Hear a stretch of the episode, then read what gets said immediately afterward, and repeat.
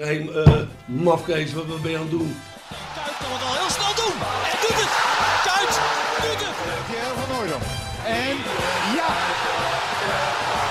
Het is Pierre van Hooydonkavond. Het is de Pierre van Hooydonk. Met elkaar communiceren, met elkaar praten, dat is toch een heel groot probleem hoor. Natuurlijk staat dit schitterende stadion bekend om zijn sfeer. Maar zoals vandaag heb ik het toch echt uh, zelden meegemaakt. Ik denk dat ik dat gezegd heb, maar dat heb ik niet gezegd.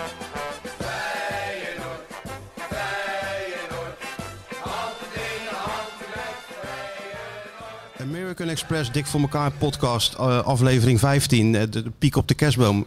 Ja. Ik zeg American Express, hè? zijn die al rond of nog niet? Ik, ik heb nog niks geho gehoord, maar uh, ik neem er niet aan dat we dat zelf allemaal moeten. Daar, daar, zullen we onze mensen bij VI voor hebben, toch? De financiële afdeling, die de internationale sponsors regelt. Ik dacht moeten we Chris. dat ook allemaal zelf doen. Maar ik dacht dat Chris dat Chris, voor de rekening ja. zou nemen. Ja, maar die, die, die kom je vanzelf tegen als je zo'n pand als VI binnenstapt. Meestal zit op een Dan loopt zit, hij net naar buiten. Ja. Even met, met, met weer een deal. dat denk ik, ja. Ja. ja. Beetje een rare dag. Beetje, um, het is maandag. Um, we zijn er wel allemaal. Dizzy zit, is bezig aan een nieuw bod. Daar gaat ze denken, dat dachten we van tevoren een dag of drie, vier over doen. Maar het is eigenlijk al voor drie kwart uh, in de mik. Dat is echt best wel heel knap als je dat, wat jij noemde, een soort haardblok. Wat je, wat je thuis normaal op, uh, ja. in de open haard gooit. Ja, daar hebben ze volgens mij in, uh, in 1953 in Zeeland hebben ze die dijken daarmee uh, dichtgemaakt met dit soort uh, apparaten die jij aan uh, Dizzy geeft. Maar ze hebben er toch heel weinig moeite mee. Nee, ze is lekker bezig. Skeeter Sjoertje is erbij en Ja. de bestseller writer himself. Ja. De reden dat we eigenlijk nu aan een soort improvisatieshow moeten beginnen. Want in plaats van dinsdag, maandag. Ja. Leg even uit waarom we nou hier zitten nu. Nou, dat, kijk, ik zat gisteren, ik weet ook niet hoe dat komt. Want normaal gesproken, dit, dit is natuurlijk het belangrijkste belangrijkste evenement in mijn uh, verder vrij trieste leven, deze podcast. dus hoe het nou mogelijk is dat ik gisteren dat mij opeens te binnen schoot van... hé, hey, ik heb een afspraak gemaakt om uh, 11 uur s ochtends in Grollo bij Johan Derksen... Uh, op dinsdag, maar dan doe ik altijd die podcast. Dus toen raakte ik natuurlijk volledig in paniek. Ik denk al die miljoenen luisteraars die zitten met de handen in het haar. Hoe, hoe, en vooral in deze tijd. Hè? Hoe moeten die mensen dat overleven? Maar goed, toen heb ik jou gebeld en ja, jij bent zo flexibel als Flexibel als altijd, hè? Ja, dat maakte jou allemaal geen bal uit. Jij zat volgens mij net in de kuip toen ik jou uh, ja. appte. Dus ik was even blij met, met de afleiding. Ja, en uh, dus vandaar dat we, dit, dat we hier uh, op maandag zitten. Want ik moet dus morgen naar het Hoge Noorden, naar jouw grote vriend. Ja, Derksen. Mijn oude, mijn oude chef. Ja, je tweede vader mogen we wel zeggen. Ja, je journalistieke mijn, vader. Mijn journalistieke vader, met mijn halve opvoeder. Ja, ja, Alles van die man geleerd. Kunnen we misschien straks nog wel even over ja, hebben. leuk. Want ja, over Feyenoord valt natuurlijk genoeg te, te bespreken. Mm -hmm. Waar wil je beginnen eigenlijk? Ja, die geweldige wedstrijd tegen Heracles? Nee. Slot? Of wat, wat, wat, wat wil je? Nou, advocaat. Advocaat, ja, ik bedoel, we hebben het de hele tijd over. Ja, maar dat is eigenlijk alweer oud nieuws. Dat is we hebben heel snel oud nieuws en zo. En uh, ja, ik weet niet. Ik vraag me af wat jij daarvoor gevoel. Uh, ik heb zo'n gevoel dat, hierdoor, maar misschien slaat dat helemaal nergens op hoor. Dat fijn dat nou echt onder Arnezen in een fase gaat belanden dat echt iets gaat veranderen. Ja, dat klopt. En ik vind het best wel. Uh, het is aan de ene kant natuurlijk super interessant. Ik ben er altijd voorstander van als er in het voetbal iets nieuws gebeurt. Want het is zo vaak zo'n uh, herhaling van zetten dat je er een beetje moe van wordt. Dus het wordt een interessant experiment. Maar uh, samen met het experiment van het nieuwe stadion vind ik het wel uh, te heel veel. Spannend. Nou, ja, te veel. Dus te, dat te veel we, tegelijk. Dat zullen we, zullen we zien. Maar uh, ik ben een beetje bang dat wishful thinking ook een, altijd een rol speelt. Weet je wel, bij Zeker, dit maar goed, uh, in voetbal herhaalt alles zich. Uh, voordat we er dieper op ingaan, er zijn natuurlijk voorbeelden zat. Met Gertjan van Beek ging het ook helemaal op, Ja. over de andere boeg. Ja. Ja, we weten allemaal hoe, uh, hoe dat geëindigd is. Dat hoeft natuurlijk niet zo met, uh, met, met slot te gaan. Helemaal niet. Maar het is wel zo dat uh, veranderingen door willen voeren bij, bij Feyenoord. Het klinkt allemaal heel leuk en heel interessant. Maar je moet gek gezegd ook wel de club ervoor zijn. Ja. Dus wat ze nou gaan doen, begrijp ik, is gewoon um, een, een, radicale koerswijziging doorvoeren binnen alle geledingen van, uh, van die club. Ja. En daar geeft Arnees op sportief gebied dan uh, leiding aan. En heeft hij in, uh, ja, in Arne Slot zijn, zijn generaal gevonden. Ik word er best wel zenuwachtig van. Ja, word je zenuwachtig zegt, van? ja, ja, in alle geledingen en zo. Ja, ja. Ik denk altijd van, als over drie weken, weet ik veel wat, Tottenham Hotspur of Liverpool van Carnezen belt met een goed aanbod, is die zelf ook weg. En dan zitten we met... Ja, misschien nu niet meer, want hij gaat natuurlijk, kruipt natuurlijk richting zijn pensioen. hmm, Maar het is wel natuurlijk wel waar wat je, wat je zegt. Het is natuurlijk, alles is natuurlijk afhankelijk van, uh, van, van korte termijn. Ja, en, en Yo, ik weet nog wel toen Gert-Jan van Beek kwam en dat was ook een, een totaal... Alles ging anders. Alles moest anders. Ze hebben toen het... eh, word je gebeld? ik word weer... Dat is maandag, hè, dus ik word heel de Ja, dag door maar... Ja, neem maar op. Pieter, Pieter Zwart, Zwart. Die, die is, eh, dat is de hoofdredacteur. Een van de 300 hoofdredacteuren van VI. Die hebben We nou zitten midden in gewoon de podcast. midden in de podcast. Wel interessant. Een van het, als een van de 300 hoofdredacteuren van, eh, van VI. Zal ik, Ik je denk- straks maar even terugbellen of wil je het ik denk dat gesprek... hij een paar eh, statistieken door gaat Ja? Oké, bel ik je straks. Niet dat hinderlijke gedoe. Gaat, als elke hoofdredacteur gaat bellen, dan zijn we nog wel even bezig vandaag. Ja, de enige die geen hoofdredacteur is, ben ik. Ja, ja. En. Ik ben ex-adjunct hoofdredacteur, dus ik kom er nog een beetje in de buurt. Maar, Dat is eh, wel mooi, hè? Want dat, dat had je wel gewoon eh, echt de, de competenties ook voor, hè? Hoe ben je dat ook alweer ooit geworden? Nou, zonder dat ik het wist. Johan zei gewoon, eh, jij, jij, jij kan hier wel komen werken. Ik liep gewoon door de gangen, maar volgens mij heb ik dat al een keer verteld. Niet hier, toch? Oh, dat weet ik niet meer. volgens mij niet hier. Jawel, ik heb ik hier wel eens verteld. Maar ja, god, ik liep gewoon door de gangen en, en, en, en voor een klusje bij VI. En toen zei Johan, hey, jij kan hier wel komen werken. Ik zeg, oh ja, ik wist eigenlijk helemaal niet dat ik een nieuwe baan zocht. Ja, maar dan kan je ophouden met die onzin bij het Feyenoord en al die onzin die jij doet. En eh, oh. En dan eh, kan je ook eh, op mijn stoel gaan zitten, want je denkt niet dat ik nog een keer 30 jaar in die, met, die, met deze flauwekul bezig ben en bla bla bla. Ik zeg, ja, maar ik weet helemaal niet of ik dat wil. Nou, denk er nou maar over na en niet te lang, zei hij toen. Ja. We hebben nog twee of drie gesprekken gevoerd. En toen zei hij, nou, toen op een gegeven moment dacht ik van, het, was zo cult eigenlijk, ook het, het- hoe dat allemaal ging. Dat uiteindelijk zat ik dus bij Johan op zijn bureau en dat, dat moest dan een soort van sollicitatiegesprek eh, voorstellen. Maar Johan kon zich gewoon helemaal niet voorstellen dat het iemand helemaal geen zin had in VI. Weet je wel? Dus ik zei in eerste instantie van, joh, ik denk dat je gewoon de verkeerde hebt. Weet je wel? Ik denk niet dat ik bij eh, VI, ik heb heel veel respect voor VI en ik, lees het al mijn hele leven. En som, sommige periodes in mijn leven gooi ik het ook zo in het plastic weer de prullenbak in. Maar ik was wel altijd abonnee. En, ehm, en toen, eh, toen zei ik van, en bovendien, het, het is een beetje een serieus blad, weet je wel. En ik, ik kan Ik het ben niet zo serieus. ik, nou, ik kan dat, dat voetbal niet allemaal zo serieus Nee, nemen. nee, Dit- nee. En, maar Johan, die, net alsof hij het niet hoorde, die dacht gewoon, die gozer is niet goed bij zijn hoofd. Ik geef hem een topbaan. Hij zegt, nou ja, goed, allemaal gelul. Jij wordt gewoon adjunct hoofdredacteur en eh, je moet een column schrijven en bla bla bla.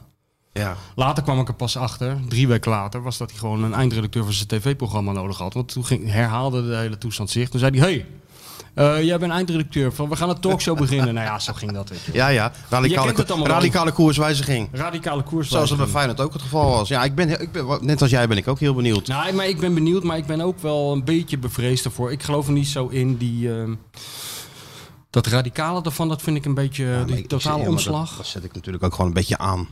ja, Altijd een beetje de slagroom kloppen erdoor natuurlijk voor de... Ja, maar je hoeft het niet eens, niet, niet eens zo Nee. eh, aan te zetten. Kijk, wij hebben dat. het, is, dat- maar het is ook echt wel zo. Ze gaan echt heel veel dingen anders doen. Ja, En eh, ik heb het al vaker gezien bij Feyenoord. Toen Gert-Jan van Beek kwam, nou, die ging het krachthonk verbouwen. ja. Ik zie hem nog staan. Ja, maar die ging als. Ik hoop toch niet dat die slot net als Ja, verbeet die als een olifant door de porselein. Nee, nee, nee. En, die, die, was toen bezig volgens mij om het mini-museumpje van Gerard Meijer in de container, in de nog. container te stoppen. Terwijl man- Gerard op vakantie was. Ik zie die man nog zitten met de handen in het haar. Die Gerrit, die had gewoon 50 jaar lang. Had die, dat was ook een geweldige collectie die hij daar ja. in dat kamertje. Maar die lag, wel in de, in, de, in de container. Elke voetbalclub moet één zo'n kamertje hebben waar dan gewoon stiekem gerookt kan worden door spelers. Waar af en toe een speler iemand, eh, een mevrouw mee kan nemen, achter een gesloten deur. En waar gewoon eh, mensen op de massagetafel een beetje kunnen roddelen over de trainer bij de masseur. En dat moet gebeuren tussen allemaal oude vaantjes, oude kranten en oude teringzooi. En dan, dan kwam hij, en dat, eh, weet je wel, wat dan krijg je met die slot natuurlijk ook. Het woord topsport, Ja, eh, maar reken er op. of hoe noemen ze Ja, dat? reken er maar op. Ah, gek word ik daarvan. Dat heeft niks te maken met de topsport. eh, eh. Dat bleek ook later wel. Ja, dat bleek wel. Dat dit is allemaal in de soep gelopen gewoon. Het werkt gewoon helemaal Nee, niet. en intussen Spelers wel. kwamen in opstand. Ja. Spelers zagen ook. Hij wilde de materiaalman eruit eh, gooien. Klopt. Want die was ook weer niet... eh, De, de teammanager, alles Ja. moest eruit. Ja, ja, dat, maar zo rigoureus is Slot niet hoor. nou, ik meen wel een beetje, hem. ik meen hem wel een beetje te kennen. Die is wat dat betreft wel wat, ehm, wat handiger. Hmm. Nou, ook hij zou natuurlijk Dit, uiteindelijk... dit ging allemaal niet zo handig, hè? dit ging niet het handig, begin nee. was niet zo handig. Nee, dat was niet zo handig, nee. Dat, had dit nou voorkomen kunnen worden, denk je? Ja, gewoon door te melden bij AZ. Ja. Maar hadden ze misschien alsnog uitgegooid. Nou, weet ik niet. Want Van der Brom die, eh, die, die kreeg dan wel de kans om het af te maken toen hij naar Utrecht ging. Kijk, als je het maar gewoon, als je het communiceert, zeg joh, ik ben in gesprek met Feyenoord. Inderdaad, ja. Misschien hadden ze dan ook wel besloten om hem, om, om hem eruit te gooien. Maar ja, dan... Maar wat vind je toch anders gevoerd? Van, van dat argument? Van, van, vind, je het, vind je het een, een, een steekhoudend argument om te zeggen van oké, je, je, je hebt nu... AZ heeft korte lijnen. Die zitten met, een, klein- met, met, met Huiberts, met Eenhoorn en de hoofdtrainer en, en het hoofdopleiding misschien nog. En de scouting. En daar zitten ze gewoon al die plannen voor volgend jaar eh, door te nemen. Welke spelers ze willen hebben. Aflopende contracten, et cetera. Eh, misschien wel eh, inno- innovatieve dingetjes in de opleiding die ze nog willen doorvoeren. Ja, en daar zit dan een nieuwe trainer van Feyenoord bij. Dus ik kan me wel in het... in hun, ik kan me wel verplaatsen in AZ. Dat ze denken van, eh, ja, weet je, dan daar gaan we de concurrent nog wijzer maken. En bovendien vinden ze natuurlijk gewoon een achterlijke stap van die, eh, van die slot. Want ze vinden zich in Alkmaar een betere club dan, eh, dan Feyenoord. ja. Met nou- betere spelers, met betere mogelijkheden. Nou Totale onzin Ja, natuurlijk. dat is maar nergens op gebaseerd. Nee, natuurlijk niet. AZ, als je daar komt al, joh. Het is gewoon, kijk, weet je... En daar gaat Slot ook mee te maken krijgen. Bij AZ is het natuurlijk allemaal... Ze doen natuurlijk wel, we zijn de top 4 club... en ze gooien heel stoer de trainer dan, dan nu Ja. wel uit. Wat ik vanuit een, hoog, een, een oogpunt nog wel kan begrijpen hoor. Want als eh, de trainer van Feyenoord stiekem met PSV gaat onderhandelen... dan dacht je dan dat ze zeggen, dan maak het seizoen maar lekker af. Nou, dat gebeurt natuurlijk ook niet. Mm. Maar wat je daar wel hebt, is natuurlijk niemand raakt echt in paniek als je twee keer hebt verloren. En als je drie keer hebt verloren, nog niet. Als je een 4-0 voorsprong verspeelt bij Sparta, is er nog in feite niks aan de hand. Nee, maar dat heb ik daar. Dat, dat heb ik En dat is hier anders. Ja, daarom. En daarom moet ik altijd een beetje lachen en hou ik ook een beetje mijn hart vast als er van die mensen bij de club komen. Je hebt het vroeger ook wel gehad met op, de, op medisch gebied, weet je wel. Was er ook altijd één, één keer in de zoveel tijd kwam er zo'n inspanningsfysioloog, Twan van der Golberg, zegt die naam Ja, nog wat? natuurlijk.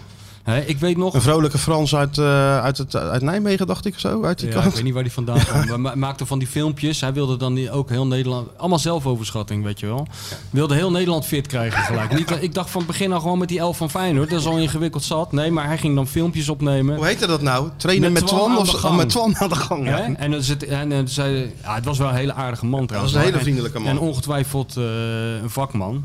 Ja, hij was een oud atleet, dat was het. Ja, weet ja. je wel. Maar dat, dat- En hij dacht ook als een atleet. En hij is deed het- ook als een atleet tussen een groep voetballers. En hij dacht ook dat die voetballers atleten waren. En nadat hij in, het, in zes trainingskampen zes keer in het zwembad was gegooid Ja. door die spelers, zou je op een gegeven moment denken: je hebt nu wel door dat dit een soort, soort subcultuurtje is waar bepaalde ongeschreven wetten en codes eh, regeren waar jij je gewoon niet aan kan onttrekken. Tenzij je voor de zevende keer in het zwembad gepleurd wil worden, wat dan ook gebeurde.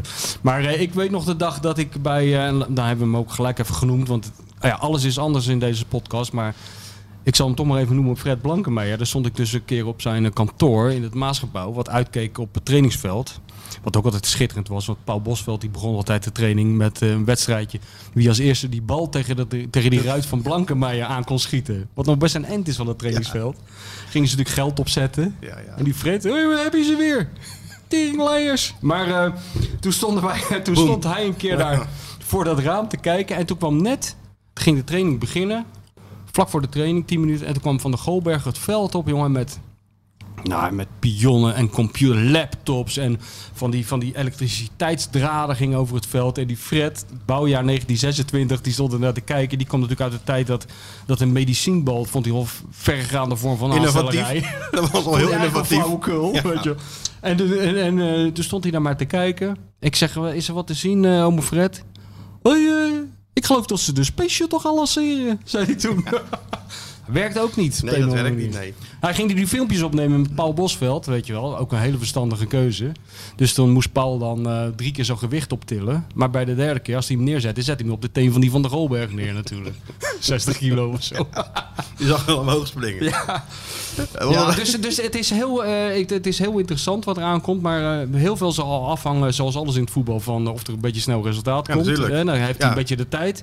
En ook, oh, toch ook hoe hij zich opstelt, weet je wel. Want eh, ja, het, het is misschien een raar iets, maar het strijkt mij ook altijd tegen de haren. Het zal wel met de leeftijd te maken hebben. Als er iemand komt die, die dan... Als een soort die- professor Barabbas. Ja, de- een de- beetje van, jongens, nou allemaal aan de kant. Nou zal ik het even uitleggen. Nu gaat het echt Nu gaan we het heel anders doen. ja, nu gaan we echt voetballen. Nou gaan we het echt helemaal... Jullie eh, hebben, jullie hebben als Feyenoord zo'n 112 jaar een beetje aangekloot. Jullie En nu, leven en nu in gaan, de- we het, eh, ja. gaan we het echt, echt even Jullie aanpakken. leven in de 18e eeuw en ik transporteer de hele zooi in één keer naar de 21e eeuw. Nou, daar is die slot natuurlijk wel heel beducht voor. Want die wilde, wil ook niet in dat hoekje van die laptoptrainers worden neergezet. Nee, nee, Nou, daar is dat- wel is een- goed. Het is wel een oud speler natuurlijk. ja, dat scheelt. Tegelijk is wel een enorme fanaat. Dus hij, hij verzamelt eh, met zijn beste vriend Marcel Keizer... verzamelt hij allerlei standaard situaties die ze dan zien in wedstrijden over heel de wereld. Mhm. Zetten ze dan in een database. Dus hij is wel echt bezig met, ja, tussen aanhalingstekens, een vak van, eh, van, van voetbaltrainen. Ja, en als je ook kijkt echt. hoe die AZ laat, laat spelen, daar kun je natuurlijk weinig op aanmerken.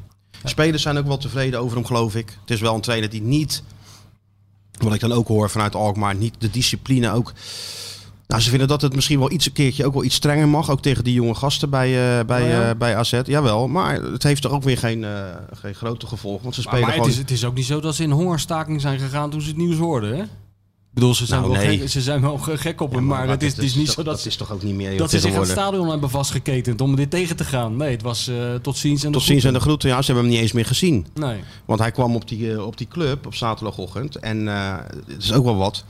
Je zaterdagochtend, dochter naar de hockey gebracht. Vroeg Sinterklaas, Ja. ping.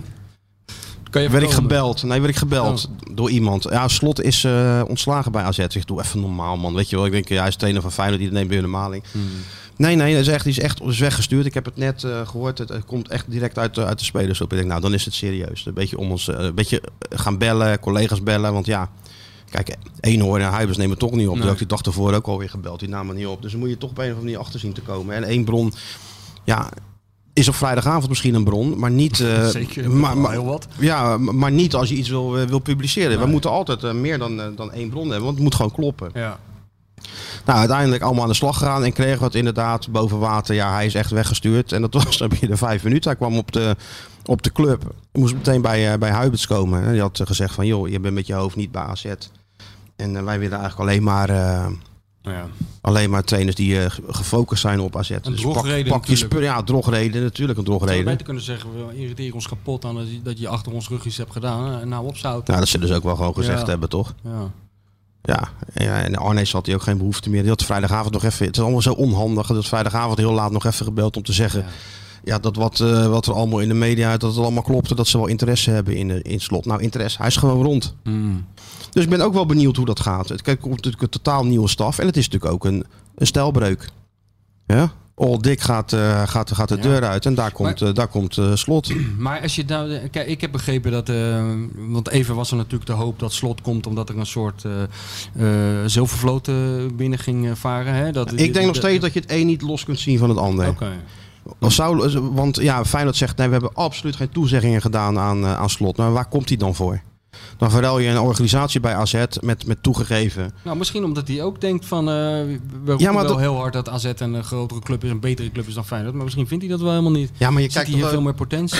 maar je kijkt toch ook naar waar je mee gaat werken? Ja, maar misschien heeft hij last van die trainersziekte. Hè? Dat Dit- hij denkt van niemand krijgt Feyenoord aan de, aan de gang. Maar ik zal het even doen. In dit geval ga je niet meer punten halen dan Dick. Onmogelijk. Ja, maar misschien denkt hij wel van Dick is zo oldschool. Als ik dat eh, met mijn nieuwe... eh, Ja, ja, ja, ja, ja. Maar je weet toch ook dat er een, ooit een trainer zei dat je in Koe geen piano kan leren spelen. ja, ja, precies, ja. Dus ja. ja, maar toch denken ze dat altijd. Ja, dat denken ze. Dus hij, zal, hij wordt natuurlijk binnengehaald omdat hij redelijk de vrije hand krijgt, denk ik. In, eh, of ook mo- moet helpen bij die, eh, bij die jeugdopleiding. En zijn ideeën over de ontwikkeling van, van talent.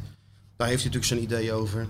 Nou, maar dat snap ik nog. Dan, dan snap ik Arnezen nog wel, weet je wel. Als je zegt van... eh, eh, we gaan focussen op, eh, op de jeugd en we hebben nu een trainer, ja, die is daar gewoon niet zo van. En dan, dan zoeken we er een trainer bij die daar wel bij past. Ja, ja, ja, natuurlijk. Maar dat is, Dat ook, dat is natuurlijk ook zijn goed recht. Ja. Alleen ja, kijk, Dick is natuurlijk eh, een- alleen teleurgesteld. Niet in het feit dat hij niet mag blijven, want dat was hij toch al niet van plan.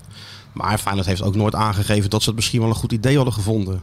Het, het is gewoon dat het niet klikte. Het zijn twee aparte visies, toch? Arnezen en advocaat. En dat er komt nu tot een tot de uiting. Hè? Ja, ik krijg weer even, alle, even seconden. Het is niet te geloven. Wil jij eens hele even door gewoon? Ja, ja, maar wie, Dan ben je gewoon... eh, Nou, ik zal wel even zeggen dat... eh, wat, waar zou ik het dus over hebben? Oh ja, over dik advocaat. Ja. Kijk, wat ik had gedaan als Feyenoord, als er toch geen geld is... Je kan, één ding kan die advocaat natuurlijk heel goed. Dat is namelijk de rust bewaren. Ondanks het feit dat hij best wel een matig eh, elftal heeft. Of tenminste, door blessures een heel matig elftal. Dus je had er ook voor kunnen kiezen om zo lang mogelijk... Om toch proberen dik over te halen. Dat was misschien wel gelukt. Of was dat niet gelukt? Om dik over te halen. nee, ik denk het niet. Nee? Oh. Nee, ik denk niet dat het... Ik denk, maar Dick, Dick had het wel fijn gevonden. Ja? ik Ja, had het wel fijn gevonden. Als ze iets beter de best hadden gedaan. Voor, al was Als maar ze me de indruk hadden gegeven, al was het maar voor de vorm, van joh Dick, we zijn eigenlijk heel tevreden. En hadden ze maar gewoon gezegd, joh Dick, ehm, je zit hier nou anderhalf jaar. Hoe kijk jij nou eigenlijk naar die... Ja, eh, maar dat zou toch ook heel verstandig zijn? dat denk ik toch? Dat denk ik hebt toch. nu een, je hebt nu wel een trainer die eh, in dat vat buskruid wat Feyenoord is... enorm goed de rust weet te bewaren. Hè? Ondanks het feit dat er van alles aan de hand is. En dat, eh, dat vind je, dat is toch ook een hoop waard? Je had die rust ook kunnen gebruiken om... eh, ja, om, Om die slot op een andere manier binnen te Ja. halen of zo. Ja, ja, alles, ja het bestaat niet hè. of iemand anders. Maar wat vind jij daar eigenlijk van? Je, je, Nou, wat- sceptisch hè, een beetje Nou, toch? nee, joh, maar ik, kan, mij, beetje. mij- kan mij dat nog verder allemaal schelen? Wat, maar ik vind het gewoon Maar jij moet er wel over lullen in, ja, in, ja, in nou, maar deze daarom, podcast. in, in die zin vind ik het, eh, juich ik het alleen maar toe natuurlijk. Dat er, eh, dat er zo'n nieuw experiment wordt gestart. Want eh, als het lukt is het leuk en als het mislukt is het ook leuk. Ja. Dus dat maakt mij geen bal uit. Nee. Alleen, eh, ik moet, ja... Maar het is wel grappig, want ja, ja, jij langer dan ik. Maar we zitten, lopen allebei al lang bij het Feyenoord rond. En we weten gewoon allebei dat het... Ja, dit wordt heel moeilijk gewoon. het wordt gewoon heel moeilijk, ja. Dat wordt heel moeilijk. Maar, maar nou ja, misschien aan de andere kant die Arnezen, wat hij tot nu toe vind ik dat wel indrukwekkend hoe hij dat heeft gedaan. Weet je wel, eh, die heeft volgens mij toch wel best wel veel veranderingen. Ook met dat Varkenoord doorge... Wat jij zegt, altijd met een glimlach. Met een zonder glimlach. dat mensen... Ja, maar mensen uit de staf rond Dick die zeggen... we worden gewoon lachend in de maling genomen. Ja, ja. Dat is ook knap hè, als je dat kan. Ik vind het toch ook wel weer wat... eh, En het is ook wel goed dat, kijk, je hoort dat het, er, is, er is toch al jarenlang zo'n beetje zo'n tweedeling van mensen die Feyenoord een beetje volgen van, eh, ja, mensen zoals wij die het idee hebben van, ja, die club is nou eenmaal zo en die kan je, als een, zo zie ik het altijd, het is een soort mammoetanker die je een heel klein beetje kan bijsturen, maar om dat ding nou helemaal in één keer de andere kant op te laten varen, dat ver- laten straatje keren midden op zee. Dat ja, gaat dat, niet. dat, dat vergt nogal wat. Maar er zijn natuurlijk ook heel veel mensen die, eh, en dat zijn vaak eh, de wat jongere mensen, die zeggen het moet nou eens een keer afgelopen zijn met dat geneuzel van al die oude, oude lullen zoals wij over 1970 en over eh Blankenmeijer, et cetera. Het is, we zijn nu in een nieuwe tijd en eh, we moeten gebruik gaan maken van data. Ja, kijk, wij, Martijn, laten we nou gewoon. Ik ben zelfs nog ouder dan jij, maar jij bent, wij, wij zijn gewoon oude lullen, weet je wel. Wij krijgen een beetje rillingen van laptops en data-analyses. Ja, omdat, we nou te- maar ja, omdat eh, nee, dan ben ik de eerste die dat toegeeft. maar dat komt ook omdat we weten hoe dat, hoe dat... Kijk, Dick, Dick komt binnen. Laptop, ja, wat laptop? Maar Dick zegt ook, wat is nou een moderne trainer? Ja.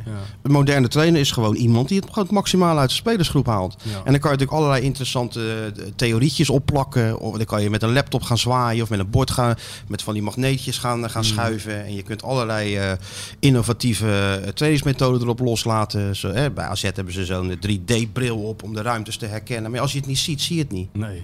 Het is, zo je simpel is het en je gewoon. krijgt die bal daar niet. Heb je ook nog een probleem. Ja.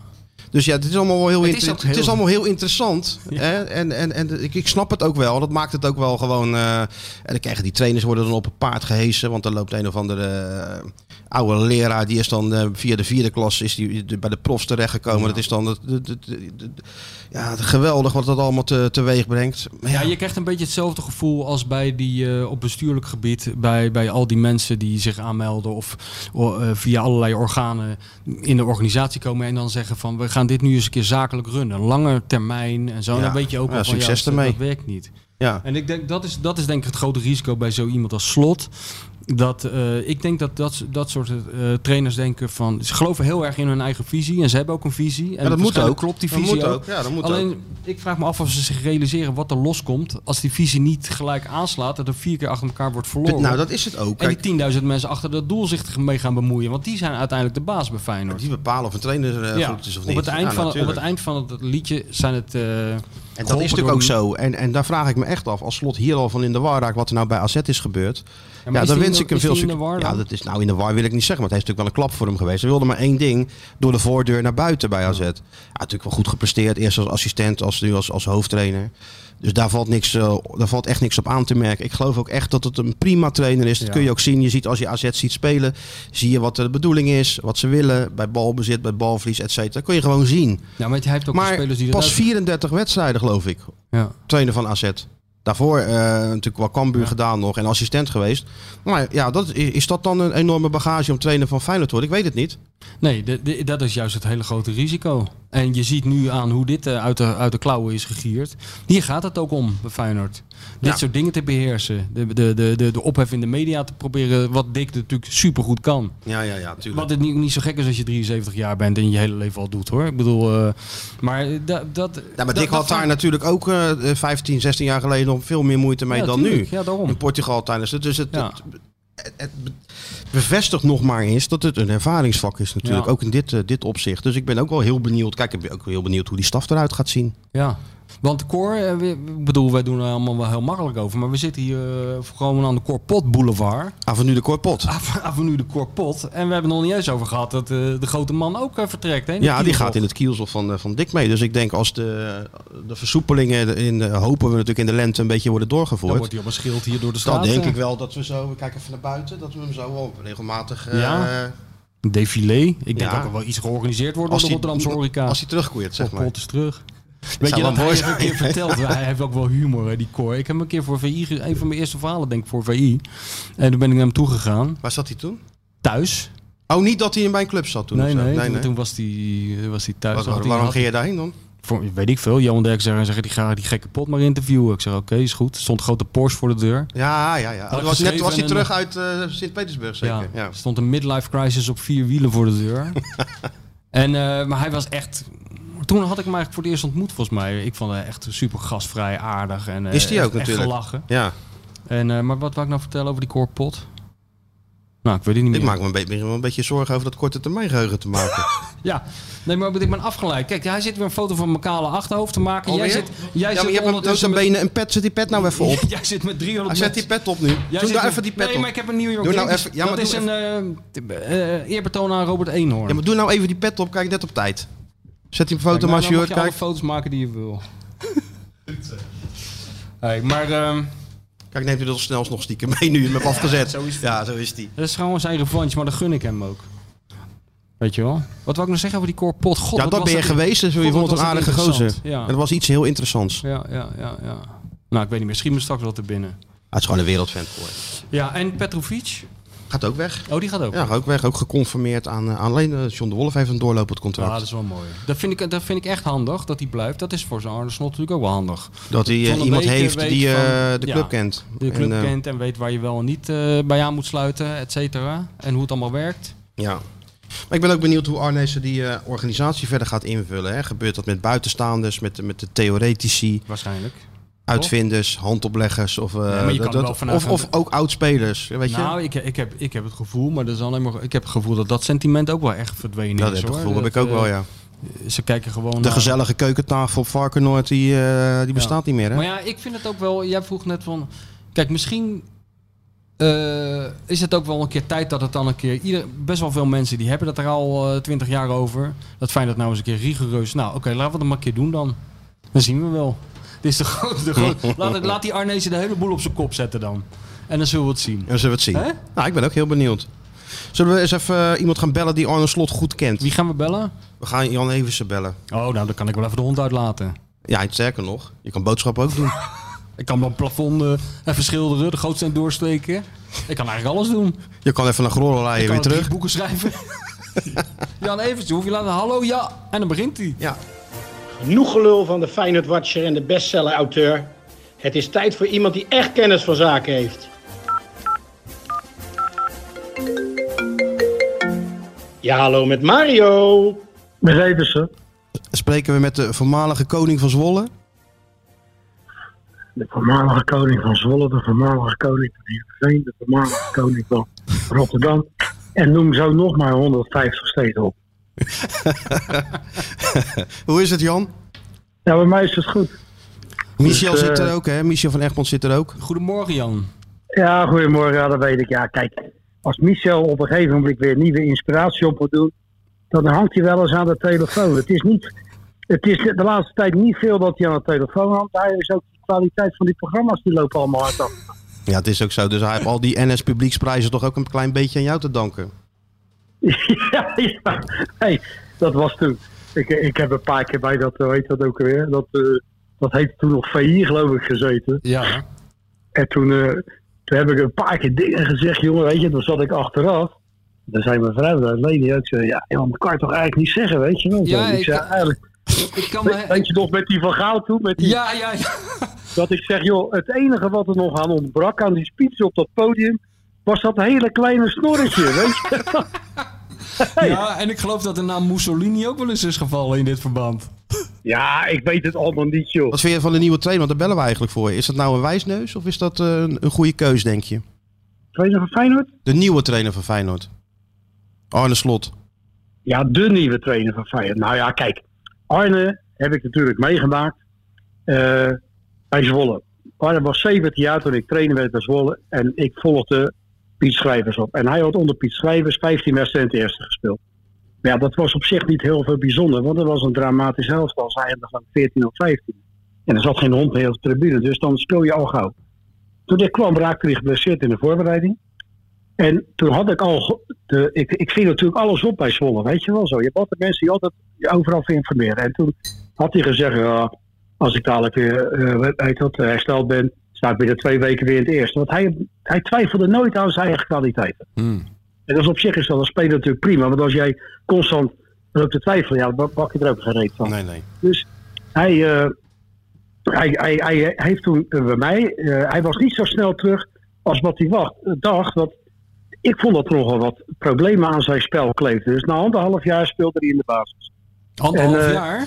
Ja, anderhalf jaar naast me. Rustig brengen. En Rustig hij- brengen. En hij dacht zelf na twee weken. Ja, hij dacht na twee weken. Maar, maar kijk, ik heb tegen Arne gezegd. Arne, Arne was een slimme jongen. hè. Hij, hij heeft HEO gedaan, weet je wel zo. Hij is, hij is intelligent. Maar ook als speler was het een slimme, intelligente speler. Mhm. Alleen, hij dacht dat hij met zijn manier van spelen wel eventjes mee zou doen. Nou, dat was niet zo, want toen bestond het voetbal ook al dat je moest lopen, vrij moest lopen, om moest schakelen, mee moest verdedigen. Ja, daar had altijd Arne een beetje een hekel aan. Arne wilde het liefst die beslissende paas geven en hij kon dat ook. Want hij was al een van de weinige spelers die ik meegemaakt heb, die in, in één keer raken iemand alleen voor de keeper zet. Dat kon hij echt fantastisch. Maar ik zei tegen Arne, Arne luister, want dan kwam hij altijd vragen, ja waarom speel ik niet? Ik zei, Arne, ik zal je even uitleggen. Want ik vind, je moet als trainer wel uitleg geven. Je kan niet zeggen, ja, Kangaloo op Sodemieter. Weet dat die tijd kan niet. Dus ik legde uit, ik zei, Arne, luister. In principe ben jij misschien wel onze beste speler. Maar het probleem is dat ook jouw tegenstander elke week de beste speler is.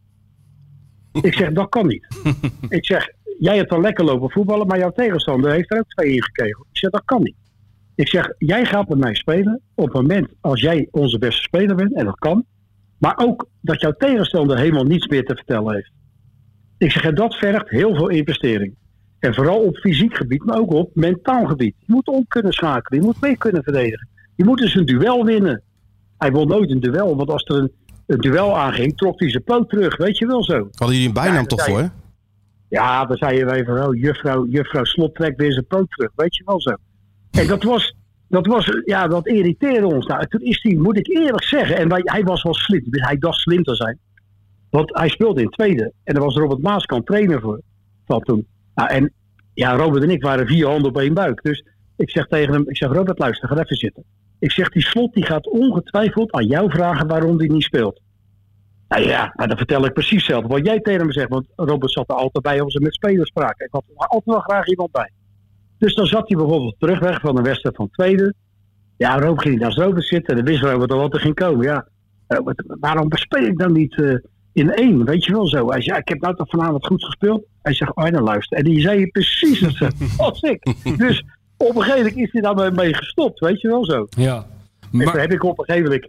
Want hij kwam natuurlijk elke keer vragen, elke keer vragen. Weet je, het was natuurlijk een enorme zeker de eerste klas. en toen op een gegeven moment keek ik zei, Arne luister.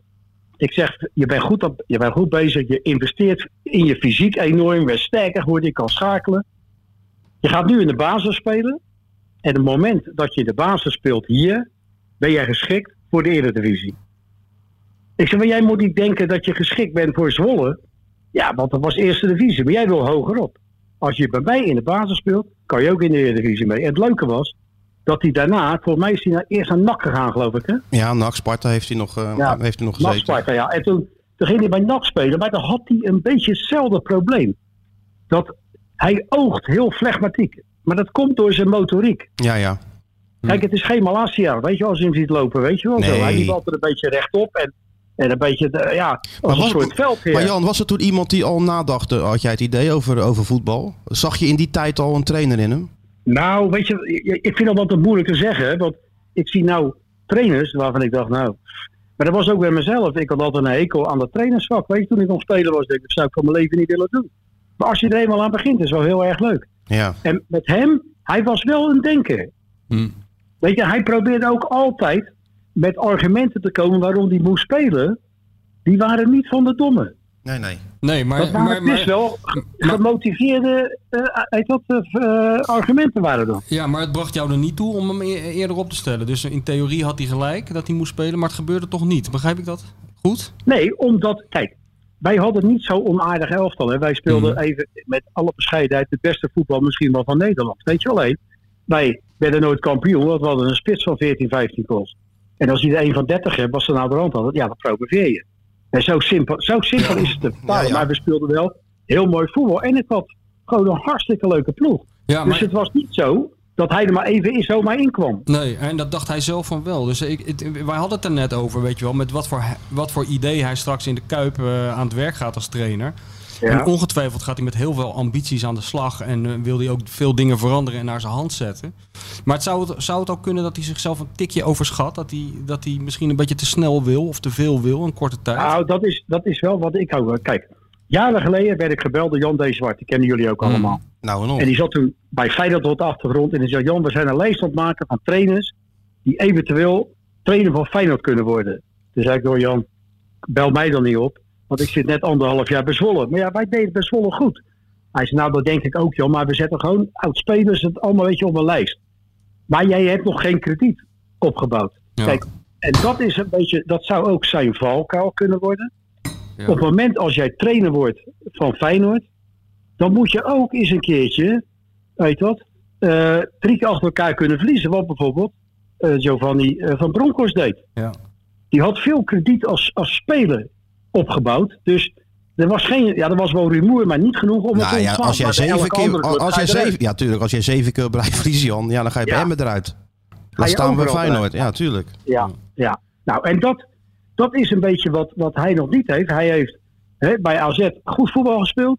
Goede resultaten gehaald. Hè, uitstekend zelfs. Het voetbal is goed. Spelers zijn tevreden. Maar bij Feyenoord wordt meer gevraagd. En dat is, dat, dat is de enige twijfel die ik heb. Ja, wat Jan, als je naar AZ kijkt, dan kun je wel echt duidelijk zien toch wat, wat hij wil met dat elftal. En dat is natuurlijk, Ja, niet, dat is nou ja, natuurlijk niet, bij elke, dat is niet bij elke ploeg in de Eredivisie natuurlijk. Nee, nou, je, je, je kan zien dat hij ermee werkt. En dat ik, ja, ik ben altijd heel kritisch. Ik zie maar weinig ploeg in de Eredivisie waar aan gewerkt wordt. Ik zie ze wel rennen en vliegen en draven. Maar bij hem zie je wel een hand van de trainer. Wat je normaal ook bij Guardiola ziet. Alleen heeft hij wel even nog iets betere spelers. Weet je, dat, dat scheelt toch wel. Hm. En, maar bij hem zie je wel, positiespel is goed, er zit idee achter, je ziet ze goed bewegen doen. Er wordt wel gewerkt aan die ploeg. En dat vind ik wel een kwaliteit als trainer. En als hij als die jou nou belt eh, en hij zegt... eh, Jan, eh, jij met je ervaring, geef me eens één goede tip. Als ik daar aan de slag moet in Rotterdam, wat moet ik vooral wel en niet doen? Wat zeg je dan tegen hem? Nou ja, ten eerste moet hij mij aanstellen als scout. En misschien wel als assistent. en, eh Ja, nee, is joh, alle gekheid, joh. Weet je, alle, gekheid. Het zou wel slim zijn van hem, maar kijk, hij moet gewoon zichzelf blijven.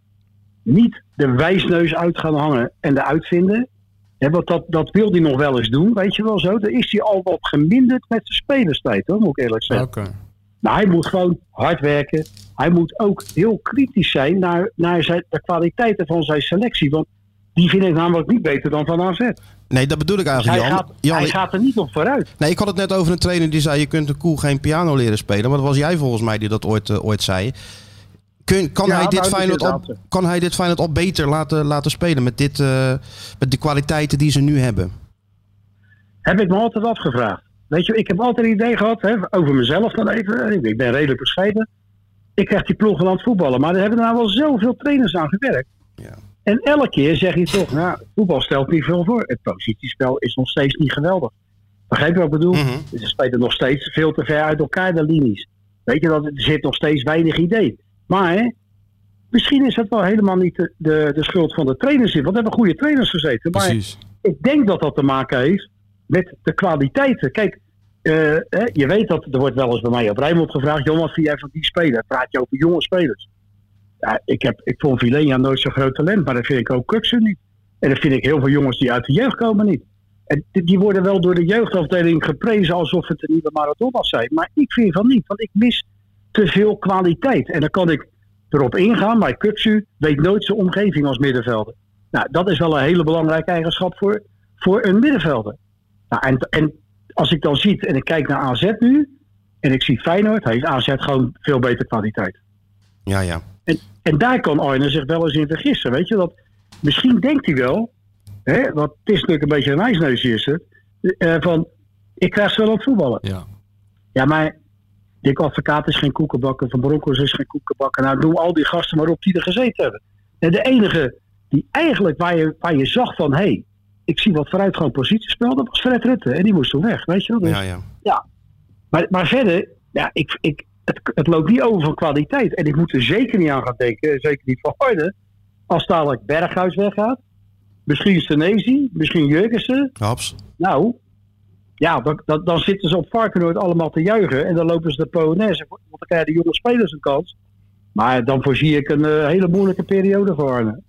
Oké, helder Jan. Oké Jan, eh, bedankt voor deze heldere analyse. Je hebt niet één keer iemand eh, vergeleken met een dictator of een massamoordenaar, dus we zijn ontzettend tevreden. Ja, er is nog hoop voor me. Hoop. Dit is, dit is denk ik gewoon voor het eerst, Jan. Dat is voor het eerst. zo, Ja. kan het, zo kan het ook. Ja, maar ik word ook, ik word ook een dagje ouder. Dat is ook en ik zo. word Daarom. milder. en Ik milde, zat de ja laatste keer bij Rijnmond. Ik zat de laatste keer bij Rijnmond. En dan was ik heel mild, hè. Ja, dan krijg ik ineens van vrienden van eh, berichtjes van... Jan, we herkennen je niet meer. We schamen je zelfs de manier waarop je je nu heeft. was ik gewoon positief. Ja, Hey. precies. Nee, maar we gaan heel snel een eind aan dit gesprek maken, want je kan het allemaal verpesten met één zin. En je hebt je nu keurig gedragen, Jan. Jan, Ja, bedankt weer. inderdaad. Bedankt Jan, later hè. Oké, jongens. Ah, ja. Prettige dag. Doei. Ja, hoi. Ik vind hem toch altijd een van de beste analytici die er is. Ja? Ja. Hoe hij eh, elftallen ontleedt of, of over spelers praat. Ja, de- hij brengt het wel terug tot de essentie. Dus Zeker, ja. Fijn. En Ja. eh, ook wat hij net zei over... eh, eh, ja, dat, dat is toch een, beetje, toch een beetje waar we het net over hadden. Hè? Dat, dat kennelijk toch de zelfoverschatting ook bij Slot wel weer een beetje op de loer ligt. En ik denk ook altijd van... als je de spelers niet hebt, ja, dan kan je Trapattoni en Guardiola en de hele zooi bij elkaar zetten. Maar dan wordt het alsnog niks. Dus, Ja, ja. natuurlijk. Dat is ook zo.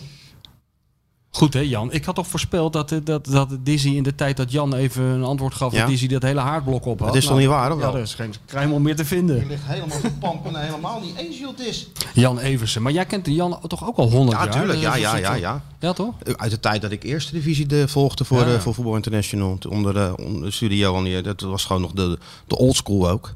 Je begon. Het eerste stukje wat ik ooit schreef was de thuissluiter van het jaar. Dat weet ik nog zo goed. Thuisfluiten van het jaar? Thuisfluiten van het jaar. Ja, zeg joh, jij moet even de thuisfluiten van het Wat jaar de- maken. wat is dat? Ik zeg, wat is dat de thuis? Nou, je moet even uitzoeken onder welke eh, scheidsrechter de thuisclub het vaakst won. Oh, ja. En die moet je dan even bellen en zeggen dat het de thuisfluiten van het jaar is. Zeg, nou is goed. Dus ik had dat allemaal uitgezocht. Ja, je had wel internet, maar Hoe oud was je toen? 21 of zo? 21. Eh, dus wat was in 19? Nee, het oude was ik. Dat was in 1998 of zo. 98, ja, weet ik het. En eh, dus ik eh, uit, uitgezocht. Dat was dan Ruud, eh, Ruud Bossen. Glazen was Ruud Bossen stond ook in het telefoonboek. Glazen was er Ruud Bossen uit Haarlem. Ik bellen. Hey Ruud, eh, met eh, Martijn uh, van Voetbal International. Hey, hoe is het? Scheidsrechters. Altijd natuurlijk gelijk eh, toen ja. al. Ja, ja. Ik zeg even één ding, Ruud. Je bent de thuissluiter van het jaar. Hij zegt, wat? Ik zeg, nou, dit en dit uitgezocht. Nou, dat was natuurlijk allemaal, allemaal gedoe. Nou, een ranglijstje van onder Ruud Bos eh, won de thuisclub. En dan, eh, weet ik veel, onderin stond dan Luigen. Dan won dan eh, de thuisclub het minst vaak. Dat was mijn allereerste stukje. En daarna ging je eerste divisie doen. En ik moet zeggen, dat was wel een goede, eh, een goede leerschool, hoor. Ja, maar er was ook tactiek van Johan. hè? Ja, natuurlijk, want je kwam- Dat hij, dat hij later ook eh, natuurlijk... eh, op een gegeven moment heeft hij ervoor gekozen om eh, eh, wat oudere redacteuren aan te nemen. Mensen met ervaring en zo. Weet je? Ja, Dus ja, ja. kwam Simon Zwartkruis en Jury van de Bus. Maar dat was ik niet toen ik kwam. Nee, jij was jong. En ik was ook al wat ouder natuurlijk. Ik, En- ik, ik was echt een van de eerste, die, de jongste die toen kwam. Ik Ja. werkte toen bij Trouws, liep ik stage, maar dan stond ik elke dag in de krant. En ze zochten nog een jonge jongen. Ja. En Mattie van Kalman zat daar en die kende Johan weer. Zei, Je moet die jongens even bekijken of zo. Nou, toen werd ik gebeld. Toen mocht ik komen en toen zei Ted van Leeuwen van... eh, Zo, kom jij hier werken? Ik zeg, ja. Kon je iets beters vinden? Ja, ja. Maar Ja. Jo- Johan had altijd de, de tactiek, eh, vooral bij die, eh, bij die oudere verslaggevers. En dat- daar zag je ook aan dat Derks natuurlijk ook in de voetbalkleedkamer is opgegroeid. Ik bedoel, op zijn 16 is hij het huis uitgegaan en is hij in een voetbalinternaat gegaan. En in de kleedkamer gaan zitten en eigenlijk nooit meer uitgekomen. Nee, dus hij nee. leeft ook, zoals je weet, naar de wetten van, van, van het voetbal en van de voetbalkleedkamer. Ja, ik vond het altijd mooi dat hij dan, als er dan vooral zo'n nieuwe ervaren verslaggever kwam, dan, dan moest je altijd op maandag toch eh, aan dat Stalinistische bureau van hem verschijnen. En dan eh, zo, wat, ga je, wat denk jij deze week... te- Politbureau. Wat denk jij deze week te gaan doen voor onzin? En als je dan zei van eh, als eerste van nou, eh, ik zou wel even naar eh Milaan willen voor een reportage met Cedor. Of, of anders naar de Bahama's om Clyde Best op te zoeken. Dan zei hij altijd van nou, weet je wat jij doet? Ga jij nou even naar Telstar tegen Top Os en maak er, weet je wel zo. En dan ging hij je reactie peilen. Ja, dat, ik, hij stuurde mij wel eens twee keer achter elkaar naar Veendam. Ja, dat soort dingen. En als je dan ging zeuren, als je dan zei, ja, ik ga niet naar dat fucking Veendam. Sodemie, wie denk je, de, dan, dan was je gezien. Maar ik weet nog dat hij naar mij toe kwam. Want eh, toen ik daar voor het eerst zat, mijn eerste werkdag als adjunct, moet je ook voorstellen hoe dat ging. Hè? Ook zo'n voetbalkleedkamer. toch. Ja. Ja, dus eh, Johan zegt, nou, eh, we nemen jou aan en je krijgt wel een of ander soort contract als je even je handtekening zet. En zo ging dat dan, weet je wel. Dus oké, ik op vrijdag mijn handtekeningetje gezet. En eh, dus ik was vanaf maandag in dienst bij VI, maar niemand had me verder verteld hoe, wat er eigenlijk van mij verwacht Nee, werd. natuurlijk niet. Zoek het maar uit. Dat ik een column zou schrijven.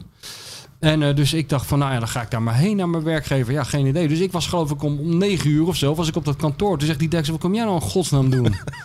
Weet je wel? Ik zeg, ja, ik werk Ja, werken. toch? Ja, en, maar er was helemaal geen bureau, helemaal niks. Ik ben daar gewoon maar gaan zitten, weet je wel.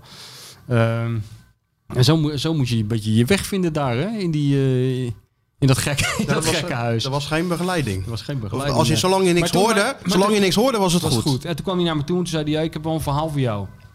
Hij zegt, ik heb gehoord dat die gekke Hans Kraai, die, eh, die traint een of ander clubje in de Betuwe. Als jij er eens even heen gaat. En toen ging hij kijken of ik zou zeggen van, ja, dag. Ja. Ik, ben, eh, ik ben bijna 50, ik ga toch niet naar die gekke Hans Kraai? Weet Maar je ging wel natuurlijk. Ja, ik vond het werelds. Ik zeg, nou, ik ga er gelijk heen. Ik zeg, maar kan ik daar dan ook blijven slapen? In dat Linde. Hoe bedoel je, zei hij. Ik zeg, nou, dan ga ik daar gewoon een week zitten. Ga ik daar een week eh, rondhangen. En, eh, nou, je bent niet goed bij je hoofd, zei hij. Ja, als jij daar zin in hebt, dan blijf je daar toch lekker slapen. En toen ben ik een week lang daar in dat, in dat Linde heb ik rondgehobbeld. Voor Ja, mooi, hè? Het was gelijk zes pagina's. En eh, ja, dat was, dat was Vertel eens, vertel eens over je eerste column. Je allereerste column. Nou, met zo'n lang verhaal, joh, dat Even kort even. Wow. Hè, nou ja, goed. Johan had gezegd, je moet ook een column... Hij had me eigenlijk al aangenomen en, en eh, zo ging het altijd, toch? En dan, eh, oh ja, ja, je moet ook een column schrijven. Ik zeg, ja, nee, maar joh, Johan... eh, ik zeg, die, toen schreef ik columns voor AD Sportwereld. Hè, van, Oh, was dat heb je ook nog gedaan? Zo'n dagelijkse sportkrant. Ja, ja. Maar ik schreef altijd een beetje rare columns over hele kleine, eh, ja, gekke dingetjes. Dus eh, ik zei tegen Johan, nee joh, maar ik zeg, die columns voor mij, dat past echt niet bij VI. Nee, maar eh, dat is juist... dat is juist goed. En we hebben een een ander toontje. Ik zei, nou weet je wat ik doe? Ik stuur er even een paar op. Dan kan je er even naar kijken. Ik had bijvoorbeeld een keer een hele column geschreven over een of ander oorlogsmonument. Wat iemand oranje had geschilderd. In EK-tijd en zo. Dat soort onzin. Dus ik had het opgestuurd naar Johan. En, en ik had die maandag mijn eerste column voor VI ingeleverd. En toen liep ik om half vier of zo langs, eh, langs zijn bureau. En toen wachtte hij tot de hele redactie het kon horen. En toen riep hij van Egmond, godverdomme. en toen kwam ik binnen. Toen zei hij, wat is dit? Toen had hij zo'n blaadje in zijn hand. Hij zegt, wat moet dit voorstellen? Ik zeg, ja, geen idee. Hij zegt, is dit, moet dit een column voorstellen? Ik zeg, ja. Hij zegt, ja, maar dit kan echt niet. Je hebt nu al de ondergrens bereikt, zei hij. ik zeg, ja, maar dit is nog maar het begin. Zei- Hij zegt, ja, maar eh, we snappen hier helemaal niks van. Ik had een verhaal gemaakt over die vogel van Vitesse. Weet je wel? ja. Die, die, Die die het oog had uitgepikt Ja, of zo. van die, ik eh, was helemaal naar die man gegaan, naar die eh, valkenier. Maar eh, in ieder geval, toen zei Johan van ja, je, je werkt nu niet meer bij, dat rare, bij die rare krantjes en die rare blaadjes waar je voor schrijft. Je werkt nou voor VI, dus je moet je wel een beetje aanpassen. Ik zei nou, ik wil me ook best aanpassen. Maar ja, één ding ga ik niet aanpassen, dat is die column. Ik zei, dat heb ik ook gezegd. Toen zei hij, oh, meneer gaat zich niet aanpassen. Ah, toen zegt hij, nou, dan is meneer heel kort columnist. Ik zeg, nou, sterker nog, is meneer heel kort werknemer, Johan. Ik zeg, dan kappen we er toch lekker mee. ja, even goede vrienden, geef het computertje weer terug. En dan ga jij lekker zelf in die groene Skoda rijden die je voor mij geregeld hebt. Daar, ja, daar reed je toen Ik zeg, in. nou, ja, ik zeg, Die was nou- over, hè? Toen. ja, ja, ik zeg, dat doen we toch lekker niet. En toen zei hij opeens, joh, neem dat nou allemaal niet zo serieus, joh, wat ik zeg. Hij zegt, doe mij een lol, schrijf even volgende keer een column over voetbal in plaats van over een vogel. En daar hebben we er nooit meer over geluld. ja, Dat was ook zo mooi als er dan een foto kwam. En dan eh fotografen natuurlijk vaak kunstenaars. Die kwamen dan met allerlei hele rits foto's van wedstrijden of zo. En dan zei Johan alleen maar, staat er een bal op? Anders hoef- gaat hij er niet in. Ja, ja, ja, heel oldschool, ja. Hij koos ook altijd een elftalfoto bij je verhaal, hè. Waar je ook een verhaal over maakt, altijd stond er een elftal. Daar werd ik ook krankzinnig van. Ja, Elftalfoto. altijd. Ja, Ja, die was, je wist precies wat je kreeg, ja. ja, ja, ja. ja. Opmaaktechnisch was het allemaal wat van uh, maak, ja, Jij maakt een beetje een standaard. nerveuze ook. indruk op mij. Jij zit de hele tijd op je horloge te kijken. En Nee, ik hoef niet weg hoor. Ik hoef niet Ja, weg. Ja, maar mijn telefoon gaat, al, gaat maar tik, tik, tik, tik. Nee, dit is geen heet nieuws nu. Nee, het is Nee? meer allemaal... Want eh, we willen het wel horen, Sjoerd en ik. Want ja, ja, nee. Ik heb, oh, ik heb de vraag binnen voor straks. Oh ja, Oh, deze is wel te doen. Quizvraag. Is, is, er, is er van de vorige nog een winnaar Ja, dat eigenlijk? is een winnaar van de vorige, daar komen we straks op. Oh, ik heb wel oké. hulpklachten gehad dat hij te moeilijk is. Ja, nee, maar ik bedoel, ik, we hebben ook helemaal geen draaiboek. Hè? Dan Misschien We hebben nu geen draaiboek, maar we gaan nu wel even naar de, de, de, de, het, eh, de rubriek waar toch gewoon iedereen op zit te wachten. Zoals jij vorige week ook zei, ook over zee. Ja, ja. Op, op, de- de- ja. Mensen staan nu eer, staan eerder op, hè? De be- beneden- en bovenwindseilanden. Bewindseilanden, de voormalige koloniën, alles eh, Ja. Al mijn vrienden in Japan, die ik heb in Tokio, die zetten de wekker. zeker. En ik zet even mijn koptelefoontje op, want ik wil hem gewoon weer horen, de jingle. Jij vindt het niks, maar Ja, even kijken voor mij is het, is het een Ben jij klaar met al dat gedoe en zie je het licht aan het einde van de tunnel even niet? Bedenk je dan, het leven is mooi. En Michel komt nu met de rubriek Nu even niet. Ja, hij Ja, zegt Michel ook- komt hij- nu hij- met de rubriek, nu even Hij niet. zegt ook, zie je de licht in de einde van, van... Het is niet eens Nederlands. Ja, maar dat is Sjoerd schuld, hè? Want die heeft de tekst, Sjoerd eh, heeft de tekst gemaakt. heeft de tekst gemaakt. En, Tekst eh, en en Houtman heeft en het muziek, alleen maar... Sjoerd. Oh, het licht. Ja, staat er, copy, is staat er copyright eh, Ik denk onder? dat hij het helemaal vastgelegd heeft, Sjoerd. Het leven is mooi. Komt nu met de rubriek nu even niet. Ja. Ja, ja. Het is allemaal Houtman zijn schuld Nou, weer. zo klinkt, zo klinkt Maar ik vind het wel gewoon een, to- een, een, een top jingle. Maar nu even niet. Ja, nou, ik, kijk, we- we- ik was natuurlijk, nu was ik helemaal extra verrast door mezelf dat we er opeens op maandag zitten. Maar gelukkig kwam er een, eh, een van de, Een inzending. een, een van onze vele trouwe luisteraars, die kwam met een tip voor deze ja. Leonardo uit Baren, die had het Leonardo uit Baren, die, eh, die, die redde mij eigenlijk. Want die kwam met een eh, best wel grappig filmpje eigenlijk eh, van Mario Been. Als je op Google intikt Mario Been plus Blijdorp, de dierentuin voor de niet-Rotterdammers. Sjoerd gaat ook al lachen. Ken je hem, Sjoerd? Ja. Oké, ja, dat ook, ja. Nou, dan kom je dus bij... eh het gaat werkelijk helemaal nergens over, maar toch grappig om te zien. Een compilatie van aankondigingen die Mario Been... met zo'n echt zo'n jaren tachtig matje nog in zijn nek... snorretje. Alles? Snorretje, alles helemaal eh ouderwetse Mario Been. eh, die dan voor Avro Sportpanorama aankondigingen doet van het doelpunt van de week. Nou, echt. Ja, het is En gewoon... dan heel tegen dieren gaat praten. met lama's praat hij. Met, hij heeft grappen met zeehonden. Kijk, dat, maar dat, dat was leuk. Dat kon nog in die tijd, weet je wel. Dat zag je toen wel vaker. Nu zie je voetballers eigenlijk alleen nog voor zo'n Chris Woert sponsorbord staan. En, en als je geluk hebt... eh, Wegrijden. Ja, wegrijden. En, en misschien heel af en toe eh, in een talkshowtje of zo. Maar verder... Ja, Fox doet nog wel eens dingetjes met voetballers, maar dat zijn dan nooit de topspelers. Dat zijn de jongens van Emmen, die gaan dan eh, Ja. bolen, bolen of Ja, eh dat soort. kaasfondue, weet ik veel wat ze doen. Die vinden dat nog leuk. Er is ook geen reet aan trouwens. Dus die filmpjes, je wordt er altijd helemaal, helemaal wee, word je er altijd van. Maar het is wel grappig dat het, dat het ja, wat ze allemaal doen. Dat heb ik, altijd, eh, heb ik me altijd over verbaasd trouwens bij voetballers. Hè? Dat is, nou, ze zijn best wel, vaak zijn ze best ijdel en zo. En dan zijn ze bezig met, met, met allerlei dingen. Maar je kan ze ook voor VI vroegen. Je kan ze in de gekste uitdossingen kan je ze neerzetten. Ik kan me herinneren Jan Wouters in een Schotse rok. Ja, natuurlijk. Bij Feyenoord honderdduizend mensen als kerstman verkleed. Gary Steas tot zijn middel in zee. Daar zitten ze allemaal niet Stijn mee. Vreven in een wigwam. Ja, Stijn Vreven in een wigwam. Dat was Alles voor- kon. Ja. Dat Nou, is maar dat, is gek? nog, dat is nog steeds, denk ik wel zo. Dat als je het aan de voetballers zelf vraagt, zijn ze best bereid om verder te gaan voor die... Kalou zei dat altijd. Ik zeg, moet je een stuk, als ik die even gesproken van een rubriek of zo, voor een, een interviewtje. Ik zeg, moet je het even lezen? I don't care, just send me the picture. ja. Michael Bico die zei altijd tegen John de Pater, when are you gonna take a picture of me? En tegen mij, when are you gonna interview me? Ja. zeg, en dan ja, zei hij tegen John de dat Johnny make him as large as possible. Make him as big as possible, ja. ja. Het allermooiste Voetballers en foto's. Het ja. allermooiste met Obiku, met die, met die obsessie van foto's voor zichzelf, is toch echt wel dat ik dus een keer in Curaçao was in 1995 of zo, denk ik. En dat er een of ander uitje was gepland. eh, dat je, dan kon je dus naar eh, een of andere soort duikschool. En eh, dan kon je in een, in een onder water, in zo'n kooi, met, allemaal, met roggen en weet ik van wat voor vissen allemaal. En dan zat er een of andere oliebol onder water met een onderwaterkamer. En die maakte dan een foto voor je. Dus eh Jacques Troost kwam er nog herinneren, gingen heen. En Peter Bos en zo. En, en eh, ik hoorde daarvan. Ik dacht, ik ga ook even mee, even kijken, weet je wel. En eh Obiku, eh, die ging ook mee.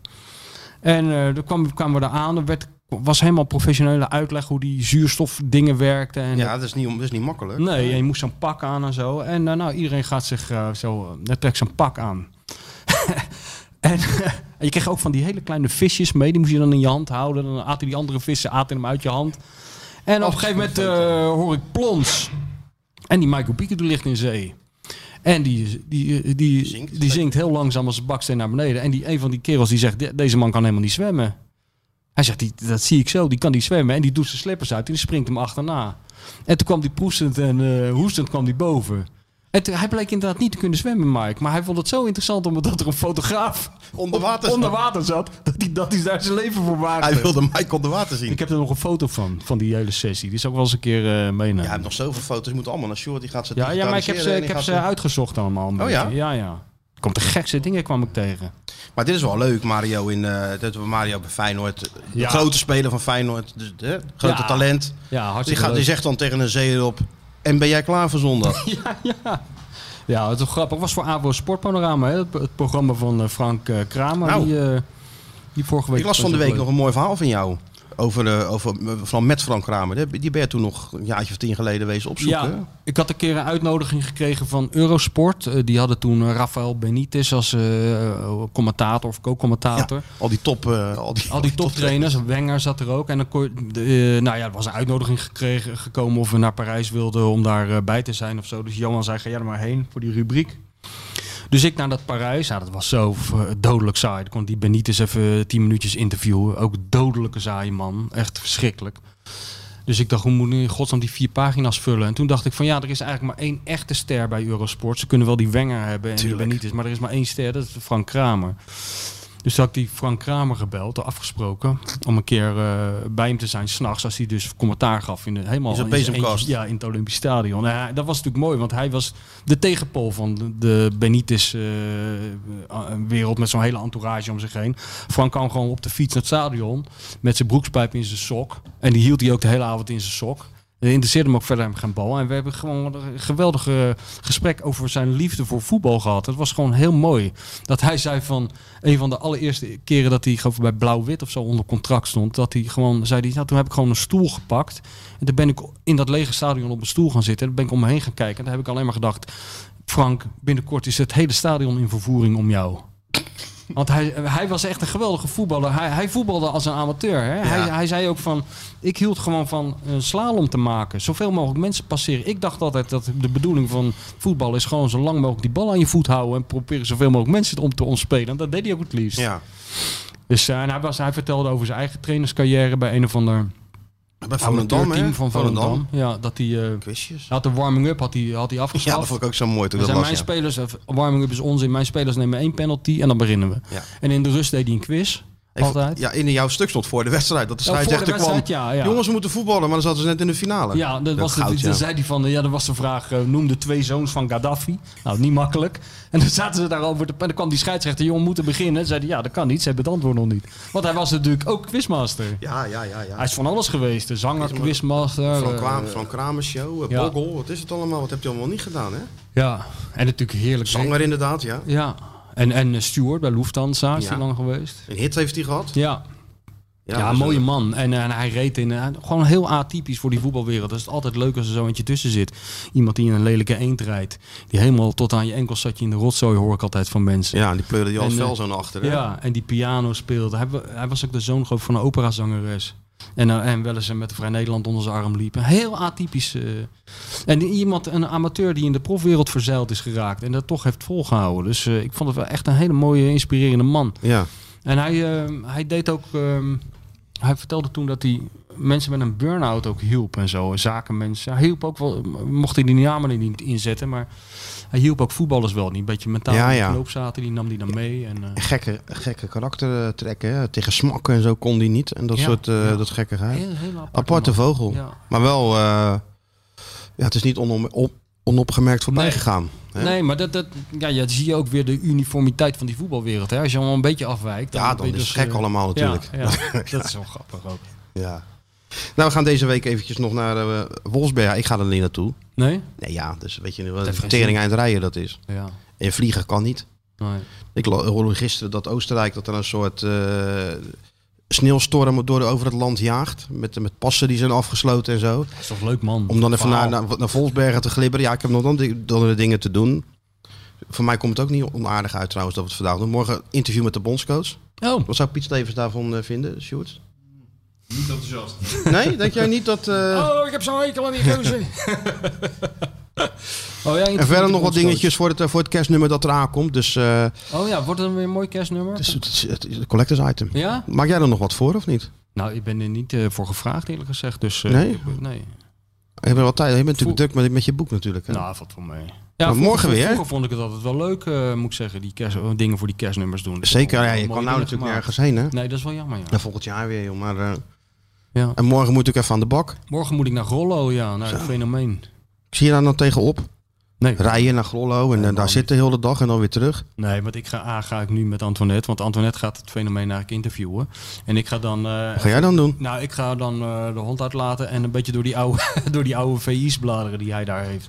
Hebben ben alles nog zeker. Ja, hij heeft altijd... Ja, tuurlijk. Alles staat Ja, nog steeds. Ook thuis. er- Kaarsrecht. Kaarsrecht. Op alfabet, op bejaarden. kan, Ja, kan ik allemaal zo vinden. Dat was vroeger altijd zo. Als je dan een boek pakte voor een of ander stuk. Want ja, dat eh, internet was niet... eh, Je had het wel, maar toch niet zo uitgebreid. Nu kan je alles terugvinden Ja. natuurlijk. Want toen moest je dingen uit boeken aan. En, eh, hij had natuurlijk alles. Dus eh, als je, club van de week, ADO, ik zeg maar wat of zo. Dan pakte hij zo'n boek van ADO, want dat had hij. En als het dan ook... En dan zei je dan niet. En dan zet je dan niet helemaal goed terug. En dat zag hij dan gewoon. Ja, dat is Godverdomme, wie heeft dat boek ADO gepakt? Ja, ja, ik recht terugzetten. Ja, ja. Dat zag je helemaal niet. Hij zag dat. We hebben wel, maar René van, het Gijp. René van der Gijp heeft dat ook, hè, met die dingen recht zetten en alles recht moet staan. Ik kan me nog herinneren toen in die tijd in het Koerhuis, toen we dat VI Oranje opnamen, dan had René had natuurlijk zo'n gigantische suite, waar daarvoor eh, Maxima nog in had. Of, eh, Ongelooflijk, hè? Nee, wie had er nou in geslapen? Michelle Obama, geloof ik. Nou, in ieder geval, hij zat in die... Die was was zo groot als een parkeergarage in die suite van René. Dus we gingen daar een filmpje opnemen. En dan komt natuurlijk een cameraman en een geluidsman en nog iemand. Dus op een gegeven moment dan lopen er zes, zes zeven mensen door die kamer. Te veel al, hè? Heel onrustig voor hem en iedereen laat de spullen liggen en zo. Toen ging René even naar het toilet. En toen eh, heb ik expres alle, alles een beetje scheef gezet. De stoel een beetje scheef, de bank een beetje scheef. En hij kwam binnen en dat zien ze gelijk, hè? Bizar, hè? Ja, hij kwam binnen en gelijk alles weer Rechtzetten, zo, Tik, pen- tik. tik, Ja, zo is Jan ook, ja. Ja, nou, ik heb dus dit weekend... Rutte niet, hè? Nou, Rutte, Rutte geen grote hotelkamer. Nee, nee, nee, nee. Ik heb dit weekend, omdat Feyenoord was zo dodelijk eh, saai en zo godvergeten langzaam tempo, dat ik echt niet slaap viel. Dus ik, de, toen heb ik dat boek over die Rutte zitten lezen, ja. Wat nu is verschenen van Petra de Koning, heet ze geloof ik, NRC-medewerker. nou echt, best wel, eh, ik vond het best wel een goed boek eigenlijk. En ik vond het wel fascinerend, die, eh, wat een waanzinnige gewoontedier die... eh, die Mark Rutte is. Dus niet alleen 26 jaar lang met dezelfde vriendengroep naar eh, hetzelfde ski- skioord gaan, maar ook in hetzelfde hotel en in dezelfde kamer. En ook totaal in paniek raken. Of bijvoorbeeld eh één keer in het jaar naar een of ander heel lullig huisje. En dan altijd eh, huisje 92. En als die dan, als 92 bezet is, dan toch een beetje met tegenzin in 94 gaan zitten. Ja, ik snap er dus zelf helemaal niets van. nee. Maar ik vind dat heel, heel fascinerend te lezen eh, over mensen. En een vriend van hem zegt ook, hij is zo'n gewoontedier dat als jij op donderdagmiddag om half twee met hem gaat lunchen, en je gaat de donderdagmiddag daarna weer om half twee met hem lunchen, dan gaat hij ervan uit dat je voortaan donderdagmiddag om half twee met hem luncht en dat je ook hetzelfde bestelt. Weet je wel, zo'n man. ik vind dat dus heel goed eigenlijk. Maar wat, wat zou dat zijn, joh? Een soort, een soort eh, dat alles georganiseerd is of zo. Dat Ja. dat Ja, en rust geeft of zo. Ja, en ik denk ook wel eff- eh, dat een heel effectief iemand is die heel effectief zijn tijd indeelt. Dat vind ik ook altijd heel. ik, ik zelf vermors dus heel veel tijd. Maar ik vind dat altijd wel. omdat het zo ver van mij afstaat, vind ik dat heel fascinerend. Ja. Dat vrienden van hem ook zeiden van in, in- toen ze jong waren, dat ze dan een biertje gingen drinken. En dat hij dan binnenkwam en eh, gingen ze om drie uur een biertje drinken. En dan kwam hij binnen en zei hij: Oké jongens, gezellig. Ik heb tot kwart over vier. Dat zei hij van tevoren al. Dat zei hij van tevoren al. Nou, zo, Ja. ga, zo ga ik nooit de huismeester in hoor. Nee, dat lijkt me niet. Nee. Dus ehm, nou, ik, vond dat, ik vind dat wel een fascinerende figuur wat dat betreft, ja. Maar goed, bij, bij Johan heeft hij En zelf- altijd eh, dezelfde hotelkamer. Hè? Ook, eh, niet groter Ja, voelen dan anderen. hij- dat vind ik ook wel eh, grappig. Hij werd boos als hij op handelsmissie was en dan kwam erachter dat hij een grotere hotelkamer had dan de rest. Dan, dat, dan liet hij dan terugdraaien. Wat vond hij onzin? Ja, Al ook iedereen typisch- gelijk. Het is, toch- typisch het is toch niet... Ja, het is Calvinistische gedoe. Nou hè, Ja, dan moet je eens in eh, Rusland meekomen. ja, dat vind Dacht jij dat eh, Poetin in dezelfde hotelkamer ging slapen als, eh, als zijn Ja, maar dat medewerkers? is, dat is zo'n cultuurverschil. Ik kan me nog wel, we komen weer op Obiku. Ik kan me nog herinneren dat, eh dat Obiku, die, die, die wist hij ook helemaal nergens van hè, toen hij bij Feyenoord kwam. Die wist niet eens wie Willem van Hanegem was. Nee joh. Had nog nooit van gehoord. En toen zeiden mensen van... eh, toen vroeg hij aan die supporters van... "Er heeft die man, die trainer van ons, die zat altijd met zijn handen in zijn zakken... een beetje toe te kijken. En die zegt, die zegt eigenlijk niks. Maar wie is die man überhaupt? Toen zei ze, nou wacht even. Dat is een van de allerbeste voetballers aller tijden. Ter Nederland." wereld. Ja, ter wereld, Willem van Hanegem. En toen, ze, en, en toen had hij Mike later had hij gezegd van... eh, toen vroeg ik van... Twijfelde je daaraan of zo? Toen zei hij ja. Hij zegt van... Ik had een keer aan de trainer gevraagd... Trainer, waar koopt u eigenlijk uw horloges? Toen had Hanegem gezegd... Nou, gewoon bij de drogist. Die droeg zo'n horloge van eh, 12,95. Zo'n kwartsdingetje. Ja, en toen dacht Mike... Nou, dat kan nooit een goede voetballer zijn geweest. Nee, Iemand die zijn horloge bij de drogist koopt... kan nooit een goede voetballer zijn geweest. En toen kwam Van Herik aan... Met de auto... Nou, die reed ook niet in een eh, Picanto. Die Nee. kwam gewoon in een, BMW aanrijden. En toen, eh, toen zei eh Obico, ongelooflijk dat die man zelf rijdt. Hij zegt bij ons, als je voorzitter zo'n zakenman bij... Hij kijkt enorm tegen Jorien op, hè. Ja, ja, ja. Hij zegt, maar dat ga je toch niet zelf achter het stuur zitten? Heb je toch een chauffeur? Ja, Vond hij dat totaal belachelijk. ja, mooie man. Gaan we nog even die quiz doen? Ja, maar dan moet even het antwoord van vorige week. Het antwoord vorige week was Gerrit Ja, Plomp. je moet niet zo... Uh, Gerrit er moet Plomp. dat stemmetje bij. Dat antwoord nee, ja, natuurlijk dat- opzetten, die quizmaster stem. Anders Het antwoord van vorige week was Gerrit Plomp. Is dat... Was het antwoord Gerrit Plomp? Ja, volgens mij wel. Moet ik even kijken wat nou die vraag ook alweer was. Ja, joh. Nee, die vraag hoef je niet te herhalen. Want Nee, maar kijk ik even Dat- of dat inderdaad het antwoord was. Waar Ja, staat dat zou wel handig Waar zijn. staat hij nou? Waar staat hij nou? Even kijken hoor. Ik vind het hele matige eh, voorbereiding dit. Ja, Hè? Gerrit Plomp. Gerrit Plomp. Vergeet niet het antwoord van vorige week te noemen. Gerrit Plomp. En iemand heeft dat dus... eh Gera- ja, en het niet zomaar iemand. Harry Hamer. Harry Trouw, Hamer? trouwluisteraar van de podcast ook. Maar Harry Hamer was de enige die mij eh, het juiste antwoord appte. Sjoerd, heb jij een goede antwoord ik denk gekregen? dat Harry Nee? Hamer is toch eigenlijk... ze bij uh, oorcategorie, die mag toch eigenlijk Nou, helemaal wel. niet meedoen? Iedereen mag meedoen. Ja? Ja, maar het is Maar ook, gewoon, dit is ook opzoekwerk. Van de, van de, van de, van de Nou, nutteloze nou, nou, de koning is toch wel een beetje... Is die eh, nou, er wordt wel regelmatig aangevallen hoor, het koninkrijk. Oh ja? Door, door, Door andere nou, het mannetjes die dat... dat, die Harry dat even eh, laat zien dat hij er nog is met dit antwoord. Tuurlijk. Zo- Zo'n oude hij bokser, denkt, weet je wel. ja, die gewoon precies. nog één keer de, de, de, de ring in gaat. En ik ben er nog. Hij is een soort dik advocaat eigenlijk. Er zijn allemaal van die laptopjongetjes die dat allemaal uitvogen. En Harry is oldschool. oldschool uit Die schudt het uit zijn mouw. Die dat denkt erover Gerrit na. Plomp, hij weet ook hoe de vrouw van Gerrit Plomp heeft. Waar, Ongetwijfeld. Waar, waar die woont. Dat Ongetwijfeld. Weet ik zeker dat hij dat weet.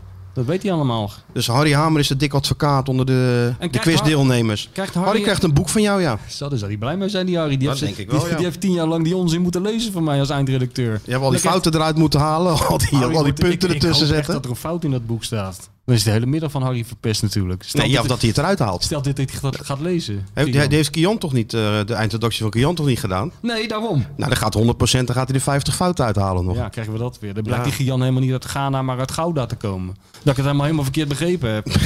heb helemaal nooit bij Feyenoord gespeeld. Nee. Oh god. Maar gefeliciteerd, Harry. Harry, gefeliciteerd. Dik verdiend. Je hebt er verder niks aan hoor, Harry, dat je dit weet. Gerrit Plomp, je kan het ook zo weer vergeten, maar gefeliciteerd. Sjoerd gooit nou die eh, jaren 80 jingle er weer even in. De Dik voor elkaar podcast. Dit Feyenoord weet je. Feyenoord weet je. Weet je niet. Weet je niet. Het, het enige wat, wat ik nog heel... eh, had, maar dat is echt de finishing touch. zou mooi zijn als je een paar van die zeemeeuwen op de achtergrond hoort. Het doet me zo aan... En dan... eh. aan het strand en zo denken. Dus een paar van die zee, van die krijzende meeuwen op Ja, maar dat doet hij dan in de zomer. Ja, van de We zomer. zitten nou even in de kerst. Ja. We zitten nou even in de kerst. Ja, nu moet eigenlijk een paar van die, van die jingle bells. Kun je dat regelen, Sjoerd? We gaan natuurlijk richting kerst. natuurlijk. Ja. Kerstjingle zou wel lekker We gaan zijn. natuurlijk nog wel een gigantische dik voor elkaar kerstspecial maken. Kersthit ook. Hè? Met de mensen die de groeten mogen Kunnen we doen. En eh, kersthit maken? Moeten we niet sowieso een plaatje opnemen? Een kersthit maken. Een kersthit over Dick Advocaat. en dan maar dat, dat Dick in de clip speelt. Christmas. Heel klein clipje. Ja? Hè?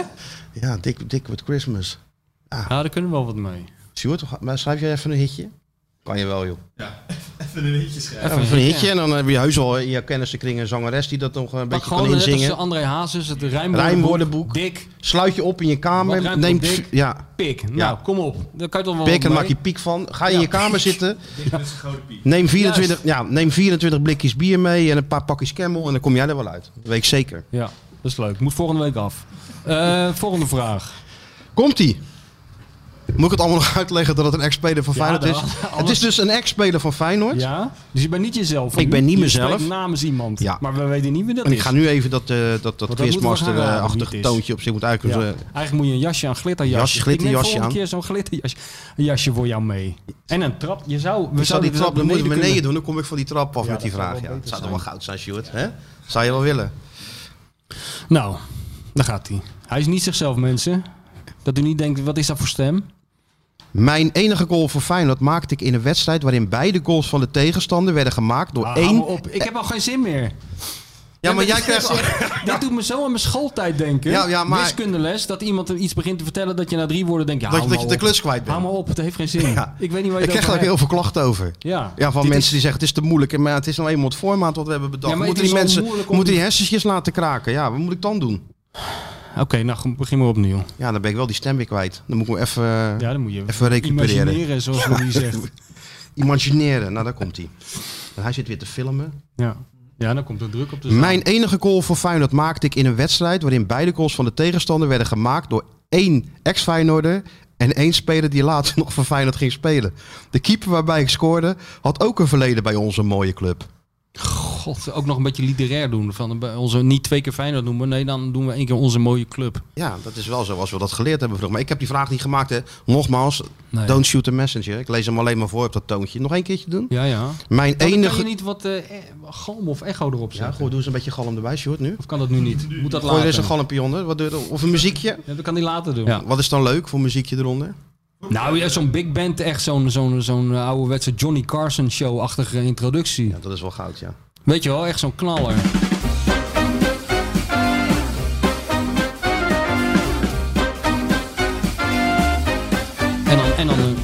Er nog En dan, een eh, extra stem die zegt... Ja, Ja, is Martijn. En dan, dan komt hij. Nou, daar komt hij. Nou, Mijn enige goal voor Feyenoord maakte ik in een wedstrijd... waarin beide goals van de tegenstander werden gemaakt door één ex-Feyenoorder... en één speler die later nog voor Feyenoord ging spelen. De keeper waarbij ik scoorde had ook een verleden bij onze mooie club. Deze vraag is mede mogelijk gemaakt door de NK voetbalquiz. Hans-Jurgen Nikelaar. Dus, nou wie dit weet, ik zou het knap vinden. Ja. Ja, dat is weer een boek eh, van eh, de bestseller writer te winnen. Dus Ja. daar willen de mensen wel even hun best voor doen, denk Dat ik. lijkt me wel. Ja, toch?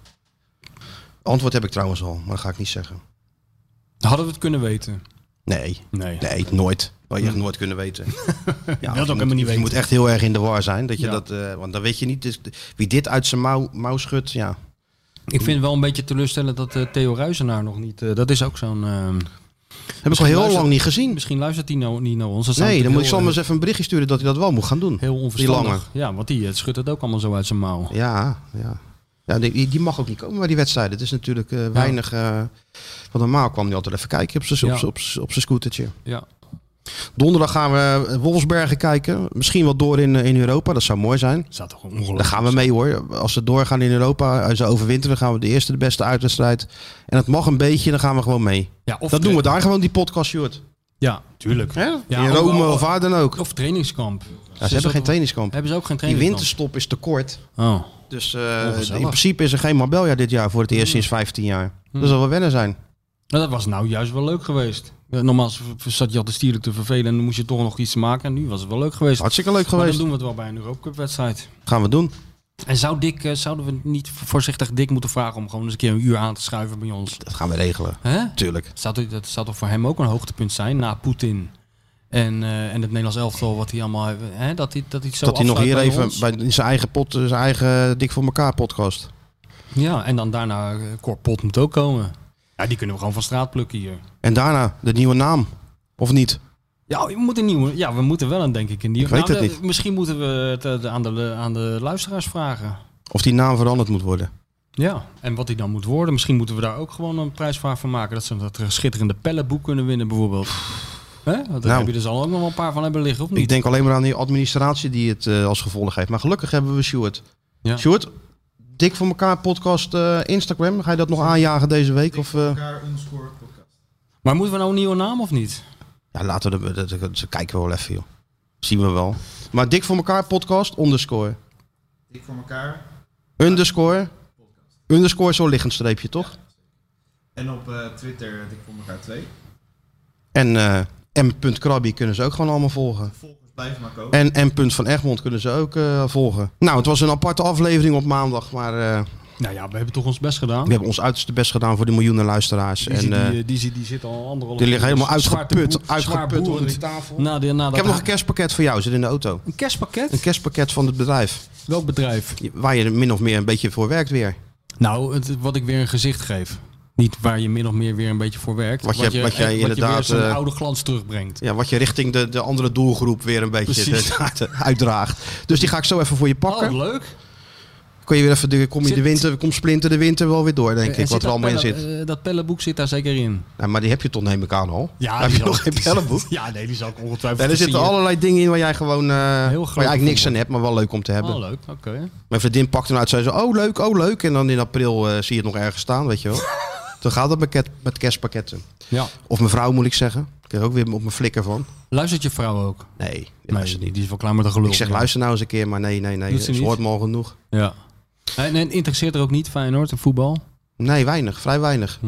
Vrij weinig. Lekker rustig, joh. Nou, als ik thuis ook nog eens over Feyenoord moet gaan Nou, zitten praten, dan doe je helemaal, helemaal krankzinnig. Ja, van- ja. Doen we volgende week wel weer. Bedankt voor het luisteren. Hé, eh mafkees, wat, wat ben je aan het doen?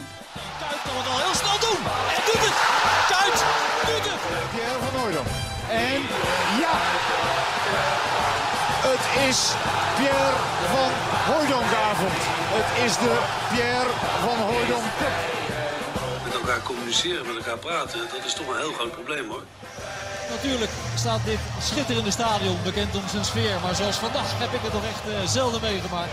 Ik denk dat ik dat gezegd heb, maar dat heb ik niet gezegd.